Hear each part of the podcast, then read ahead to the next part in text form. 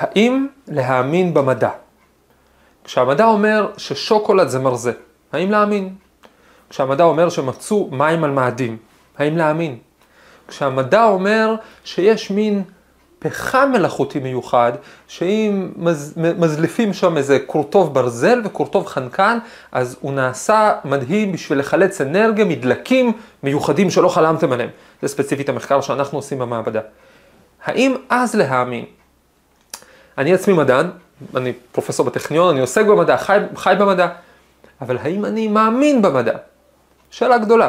אני רוצה להסתכל על השאלה הזאת מזווית מיוחדת, שהיא רלוונטית הרבה מעבר לשאלה עצמה, רלוונטית עד כדי המתח הפוליטי במדינה, וגם, ומאוד רלוונטית לחיים שלנו, איך לדבר ככה שאחרים יקשיבו, איך לשמוע מה שאחרים אומרים. שלום לכם, תודה שהצטרפתם אלינו לפודקאסט, המדע מחפש משמעות. לי קוראים דוד אייזנברג, אני פרופסור לכימיה בטכניון. בפודקאסט הזה נדבר על תגליות מדעיות, על אה, אה, עולמם של מדענים, פיתוח היצירתיות, הפוטנציאל האישי, דילמות אתיות, ובעיקר ננסה להבין את הרלוונטיות של המדע לחיים שלנו. היום נדבר על האם להאמין במדע, ובעיקר מי אומר מה, כי זו בעצם השאלה הקריטית, זו השאלה הראשונה והקריטית. איך לדעת מה המדע בכלל אומר, בשביל לדעת אם להאמין לו? מי מספר לנו מה שהמדע אומר? אתם שמעתם פעם ששוקולד עוזר להרזייה?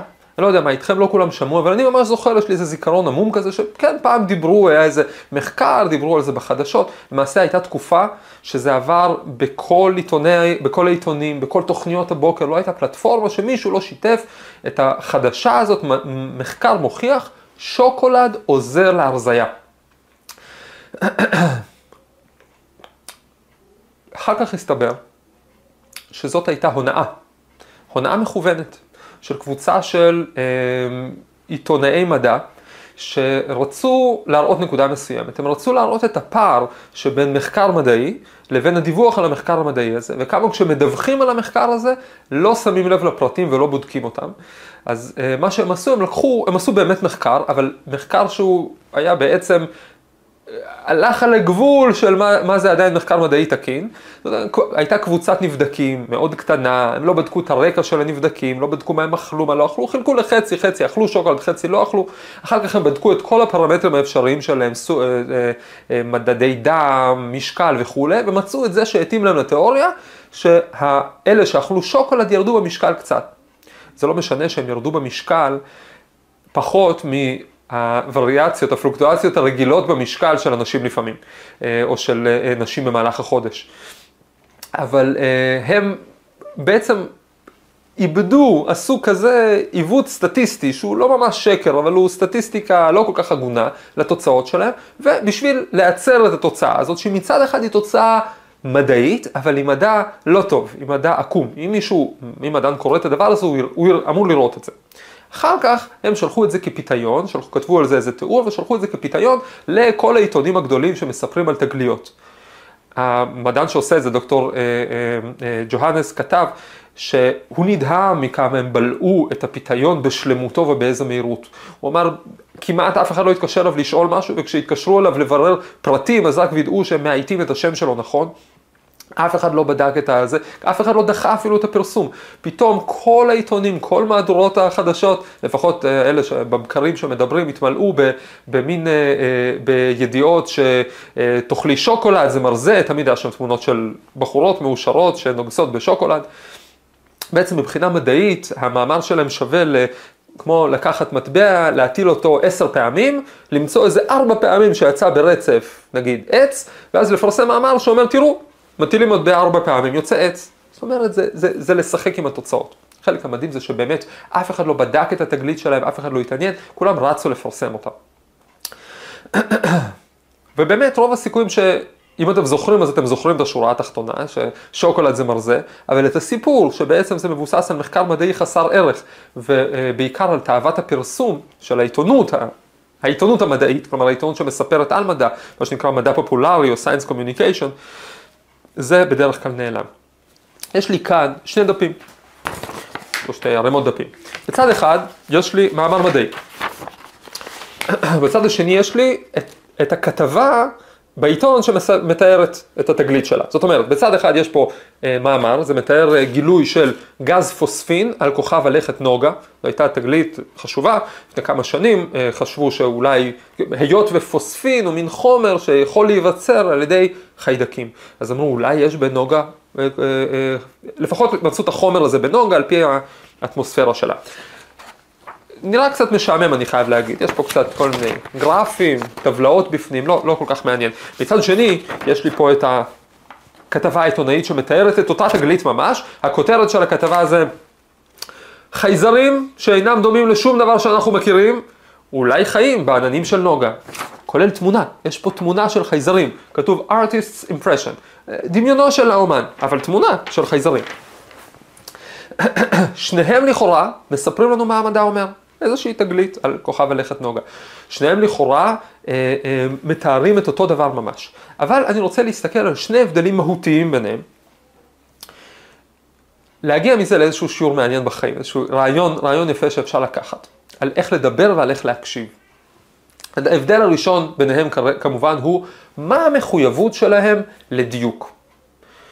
מאמר מדעי שואף לדיוק מקסימלי, הוא אמור לשאוף לדיוק מקסימלי. זאת אומרת, דיוק, דיוק מקסימלי בדיווח, דיוק, דיוק, מקסימלי אה, בפרטים הקטנים כדי לעזור לך לשחזר את הניסוי בעצמך. המחויבות שלו לדיוק היא מרבית. למעשה, במדע כל הזמן מפרסמים תיקונים. אם מישהו מוצא טעות במאמר של עצמו, מישהו אחר מוצא טעות במאמר שלו, אז מפרסמים על זה טעות, אבל לא כמו בעיתון שיש על זה איזה אה, תיקון קטן בדף הלפני האחורי אה, בין המודעות אבן, אלא כשאתה נכנס לעמוד של המאמר, למעלה באדום יש פס, על המאמר הזה יש תיקון. זאת אומרת, המחויבות לדיוק היא מקסימלית. בכתבה העיתונאית ברור שהמחויבות לדיוק באה הרבה הרבה אחרי מחויבות לעורר עניין, למעשה יותר עמוק מזה, לעורר רגש. למה? הסיבות פה ברורות, יש פה שתי סיבות שהן טבעיות. קודם כל, קהל היעד הוא שונה. בכתבה מדעית, אה, בכתבה עיתונאית, העיתונאי מנסה להגיע לקהל כמה שיותר גדול, הרבה מעבר לכתבה מדעית. כתבה מדעית בסוף מיועדת למי? קודם כל מי שמדבר אנגלית, למי שבקיא בטרמינולוגיה, מי שמבין את הרקע, מי שפחות או יותר מהתחום או יכול, יכול להבין אותו. כתבה עיתונאית מנסה להגיע כמה שיותר רחוק לעומת זאת. לפעמים חושבים, ש... לפעמים מדענים חושבים שתפקידם של עיתונאי המדע להעביר את המידע להמונים. לכן זה גם נקרא Science Communication. אבל ברוב המקרים, תפקידו ורצונו של העיתונאי הוא לבדר, הוא לעניין, למשוך קליקים. כדי לעשות את זה, מה הוא חייב לעשות? הוא חייב לפשט, הוא לא יכול להעביר את כל הפרטים, הוא חייב להוריד הרבה פרטים. כולל את הפרטים שנראים לו לא מעניינים, או לא רלוונטיים, או משעממים. הוא יחפש את מה שנראה לך מעניין. אה, אה, בסופו של דבר הוא צריך שתלחץ על עוד משהו. אה, למצוא זווית מיוחדת, איך גילוי של חלקיק תת-אטומי יעזור לך לרזות מהר יותר. אגב, תמיד דיאטות תמיד פונים לנשים, זה ככה בעיתונות זה. חוץ מהשאיפה, חוץ מהבדלי קהל היעד, ברור שיש הבדל עצום בשאיפה לעדכניות. הכתבה העיתונאית רוצה להיות הכי עדכנית שאפשר, הכי חמה, הכי לוהטת, להתחבר למה שכולם מדברים עליו. המאמר המדעי, לעומת זאת, שואף להיות נצחי. הוא שואף להוסיף לבנה קטנה של ידע לתוך חומת הידע של האנושות, נכון שהוא, מטבלים קצת בלקשר את זה לבעיות הגדולות, אבל בסופו של דבר השאיפה היא לעשות, לגלות משהו קבוע ולהניח אותו שם בשביל כולם. העדכניות היא ממש לא העיקר. שני הדברים האלה, הבדל בקהל יעד, שאחד רוצה, שהכתבה העיתונאית רוצה הרבה אנשים ולא אכפת לה שזה יהיה, אה, אה, וגם שזה יהיה עדכני, מובילה לזה שהמחויבות לדיוק של כתבות עיתונאיות היא כמובן הרבה הרבה יותר נמוכה. אגב, זה לא איזה תיאוריה מופרכת שלי. אומר את זה בעצמו דוקטור אנניו בטצ'ריה. דוקטור אנניו בטצ'ריה הוא עורך האונליין של Nature. Nature זה כתב העת המדעי אולי הכי חשוב בעולם, ויש להם, הם עוסקים גם הרבה במדע פופולרי וכתבות על מדע. אז הוא כתב מאמר ב-The Guardian שאומר, מה אתם רוצים מאיתנו? ברור שאנחנו לא מחויבים לדיוק. מאמר מדעי עובד על המאמר הזה חודשים. לנו יש עשר כתבות בשבוע. איך אתם מצפים שאנחנו נבדוק כל פרט ופרט? אין לנו כלים לזה. במילים אחרות, אה, אה, למה, למה להתעסק בלדייק כל פרט? אין זמן, וממילא מחר עוטפים בזה דגים. אגב, אני ראיתי פעם כתבה מדהימה, ממש הדהימה אותי, במלוא מובן המילה, בעיתון ישראלי אה, חשוב, במדור המדע שלו, שכתב, מדענים גילו ליבת כדור הארץ בצורת קובייה. אני, אני זוכר ש, שנדהמתי. מה, מה, איך, איך לעזאזל קובייה בתוך, איך, לא, לא הסתדר לי בשום כיוון, רציתי לחשוב על זה בעצמי, מה, איך יכול להיות, ככה יהיה קובייה, לא, ממש לא היה לי ברור. הלכתי לראות את המאמר המקורי. במאמר המקורי, כשראיתי אותו הבנתי מה העניין, פשוט חשכו עיניים ואחר כך יומיים לא הפסקתי לצחוק. כתוב שם שליבת כדור הארץ עשויה ממתכת, זאת אה, אה, השערה אה, מקובלת מאוד. כתוב שם שהמתכת הזאת מסודרת במבנה גבישי, שבאנגלית נקרא body centered cubic. כלומר, קובי ממורכז גוף, זה הסידור של, האטו... גוף, כן. זה הסידור של האטומים בגביש. זה לא אומר שהגוף בצורת קובייה, הגוף הוא עגול, ליבת כדור הארץ היא עגולה, פשוט שהאטומים שם מסודרים במבנה מסוים שיש לו קובי בשם. העיתונאי ראה את זה, אמר יאללה שיהיה קובייה, יש בתוך ליבת כדור הארץ קובייה. אה, אגב, לא, לא, אני לא ראיתי אף פעם פרס... תיקון לזה, אבל ראיתי שהכתבה באיזשהו שלב נעלמה. לא, היום אני לא מצליח למצוא אותו באינטרנט, אבל אני זוכר בוודאות שהיא הייתה, גם סיפרתי עליה אז לאנשים בתדהמה. עכשיו זה בדיוק העניין, זו התשובה שלנו לדוקטור אונניו בטאצ'ריה. הוא אומר, אין לנו מחויבות לדיוק, אנחנו רוצים לבדר, אנחנו, אנחנו רוצים לעניין, אנחנו רוצים למשוך אנשים. אנחנו אומרים לו, בסדר, אוקיי, אנחנו מבינים אותך, קשה לך לפרסם הרבה, טוב שאתה מפרסם, טוב שאתה מעניין אנשים במדע, אתה מגביר את תחוש הפליאה שלהם. אבל, אנחנו צריכים לדעת שכשאומרים לנו שהמדע אומר משהו, צריך לבדוק מי אומר שהמדע אומר את הדבר הזה. לפחות להיות קצת חשדני. אבל בעצם, בין מאמר מדעי לכתבה עיתונאית יש הבדל עמוק יותר מאשר העניין של הדיוק, שעליו קל, קל, קל להתבכיין ולהתלונן, וכיף אפילו. יש הבדל עמוק יותר. ההבדל העמוק יותר הוא סגנון השיח. ממש, הסגנון, סוג הדיבור. בעיתונות הסגנון הוא נחרץ והחלטי. המדענים גילו, המדע יודע. אין ספקות, אין מורכבות, או אם יש אז קצת מטאטאים אותם בצד בתוך איזה אה, מילת אה, סיוג קטנה, אה, אין תיקונים, או לפחות אף אחד לא רואה אותם. לא משנה שהדיוק, כמו שאמרנו, לא בשמיים, והמחויבות אליו היא לא בשמיים, הנחרצות היא דווקא מלאה, קצת ביחס הפוך. במדע הסגנון הכללי הוא הרבה יותר של דיון. פחות נחרץ ויותר דיון. מה הכוונה? מה, יהיה מאמר ראשון, למשל המאמר הזה, זו דוגמה מאוד ספציפית, המאמר הזה שיגיד, גילינו פוספין בכוכב הלכת נוגה, הנה ההוכחות שלנו, הנה גרפים, הנה טבלאות. יבוא מאמר אחר, כמו שבאמת באו כנגד המאמר הזה ואמרו, רגע, חלק מהתוצאות נכונות, אבל חלק פירשתם לא נכון, חלק פירשתם נכון, אבל קפצתם למסקנות יותר מדי. באו באמת מאמרים ותקפו את המאמר הזה, והביעו ממנו הסתייגויות והציעו הצעות שונות בשביל להסביר את אותן תצפיות. באו חוקרי המאמר הראשון ואמרו, אתם יודעים מה, אתם צודקים, באלף, בית, אנחנו לא מסכימים איתכם, בגימל, דלת. בקיצור, הסגנון הכללי הוא דיון, דיון שיכול להתפרס על הרבה מאמרים, דיון שיכול להתפרס על הרבה שנים. אבל בסופו, דיון שנכון הוא לא מושלם, הוא הולך קדימה ואחורה, ויש בו אגו, ויש בו אינטרסים, אבל בכל זאת, בסופו של דבר הוא דיון משותף. דיון מכבד, דיון משלים. דיון, וזו נקודה מאוד חשובה, שבו לפעמים אתה עוזר לצד השני לנסח את הטענה שלו. אתה אומר, אתה צודק באלף בית, יתרה מזאת, יש פה עוד משהו שמחזק את הטענה שלך, אני מסכים, אבל יש גם אפשרויות אחרות. ככה הדיון באמת יכול להתקדם קדימה. הנקודה היא שהנחרצות של המדע, הסגנון של הדיבור של המדע הוא הרבה פחות נחרץ, משום שהמדע בעומקו לא מבטא ודאויות. זו בעצם נקודה קריטית בפילוסופיה של המדע, ממש בתשתית שהמדע מונח עליה, במה המדע יכול להגיד, מה המדע לא יכול להגיד.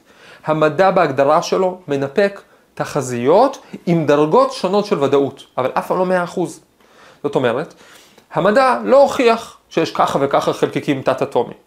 המדע הציע תיאוריה שהיא כרגע הכי טובה בשביל לתאר את המקסימום האפשרי של תצפיות. תכלס חלקן עדיין לא מסתדרות, אז בסדר, ישפרו, אין בעיה, אנחנו לא נלחצים מזה שהתיאוריה לא מושלמת. אנחנו נותנים תחזיות בדרגות שונות של ביטחון עצמי, דרגות שונות של ודאות, במדע. באותה מידה, עם כמה שזה נשמע מופרך, המדע לא הוכיח שהשמש תזרח מחר בבוקר. זה נכון שיש לנו תצפיות ויש לנו כללים שניסחנו והתנהגויות וזה, זה נכון שהסיכוי מאוד מאוד מאוד גבוה, פה אנחנו מנפקים תצפית בדרגה מאוד גבוהה של ודאות, אבל עדיין, מבחינה, בהגדרה שלו, מבחינה הפילוסופית העמוקה, המדע לא יכול לחזות את העתיד, הוא יכול לתאר את העבר ולתאר ולנחש איך העתיד ייראה בדרגות שונות של ודאות. עכשיו, זה מאוד נכון להשתמש בזה באופן פרגמטי ובאופן מעשי. כשאנחנו מגיעים לשאלה הזאת, של מה להשתמש, בעצם האם להאמין למדע או לא, השאלה הראשונה שצריכה להיות זה איך נדע באמת מה המדע אומר. האם קיבלנו את המידע הזה דרך איזשהו פילטר, שהמטרה שלו לסחוב את תשומת הלב שלנו למשהו מדליק, אופנתי, שימושי, על חשבון מורכבויות, על חשבון דיוק, על חשבון ספקות. ואז השאלה איך נזהה את זה? לפי הסגנון של השיח. הרבה פעמים, ככל שהשיח יותר נחרץ, ככה הוא מחפה על יותר, אה, אה, על ניסיון למשוך יותר תשומת לב ועל היעדר של דיוק. אגב, זה מעניין, יש, אה, לאחרונה שמעתי בשם הרב עדינה בן ישראל, הרב שטיינזלץ, זיכרונו לברכה, ראיון יפהפה שהוא בדיוק על הנקודה הזאת, גם במקורות היהודיים, יש את שני סגנונות הדיבור הללו. עם כל ההבדלות הנדרשות בין קודש לחול, עדיין יש, יש כמה קווי דמיון מעניינים. בתנ"ך יש את הדיבור הנבואי. איך מדברים נביאים בתנ"ך? תפתחו את פרק א' של ישעיהו, הנביא מנחית עליך אמיתות. מקורן של האמיתות בסמכות גבוהה.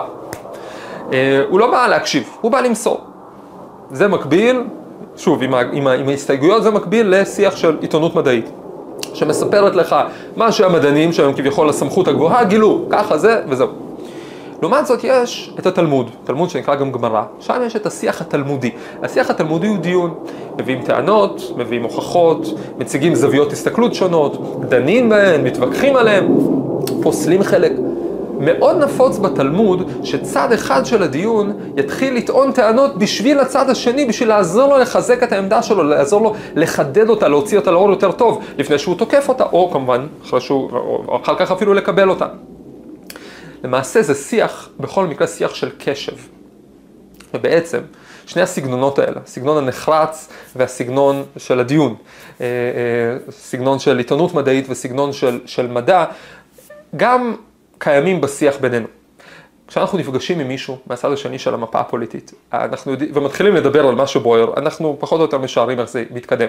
הסגנון הוא של עיתונות מדעית, כל אחד נחרץ, כל אחד חד משמעי, סופי, אה, כל אחד הוא נביא, כל אחד יודע הכל על כל המצב, אין לו מה לשמוע, אנחנו מנחיתים על הראש שלו את התובנות שלנו, את הדעות שלנו, ו... ומבטלים מה שיש לו לומר, כי למה להקשיב מה שיש לו לומר? למי יש זמן לדבר כזה כשיש לי דעות למסור? על זה אמר הרב הדין שאולי, שבארץ אה, לומדים יותר מדי תנ"ך. אה, אגב, היום, אני לא יודע אם זה היום נכון, אני לא חושב שהיום אפשר להגיד שלומדים יותר מדי שום דבר, אבל uh, הכוונה שלו הייתה זה שהשיח הוא קצת יותר מדי נבואי, השיח הפוליטי, השיח בין אנשים, כל, כל אחד הוא, uh, uh, הוא נביא. והיה כדאי, הוא הציע ללמוד יותר תלמוד כדי לאמץ את השיח התלמודי, השיח הדיוני, השיח של, של גלגול רעיונות קדימה ואחורה, השיח שבו אני עוזר לך להשלים את הטענות שלך, או לחשוב על הטענות שלך. אני לא חייב להסכים איתך, אבל אני, אני חייב להיות מסוגל לזהות בטענה שלך נקודה של אמת. לא ייתכן אחרת. אני ראיתי מכר בפייסבוק ש... ביקש כמתנת יום הולדת שיבואו חברים שלו מאמונות שונות וצדדים שונים של המפה הפוליטית וישבו ויקשיבו אחד לשני. זו, זו, זו הייתה המתנה שהוא ביקש, בעיניי בעיני זה היה יפה. העניין זה התרבות הזאת של לשמוע מה האחר אומר, לחפש את הנקודה של האמת שבו בשביל לחדד את העמדה שלי, בשביל למצוא את הקרקע המשותפת. אבל עד כאן כל מה שאמרתי הוא רק דעתי. אשמח לשמוע מה דעתכם, אולי אני טועה. תודה.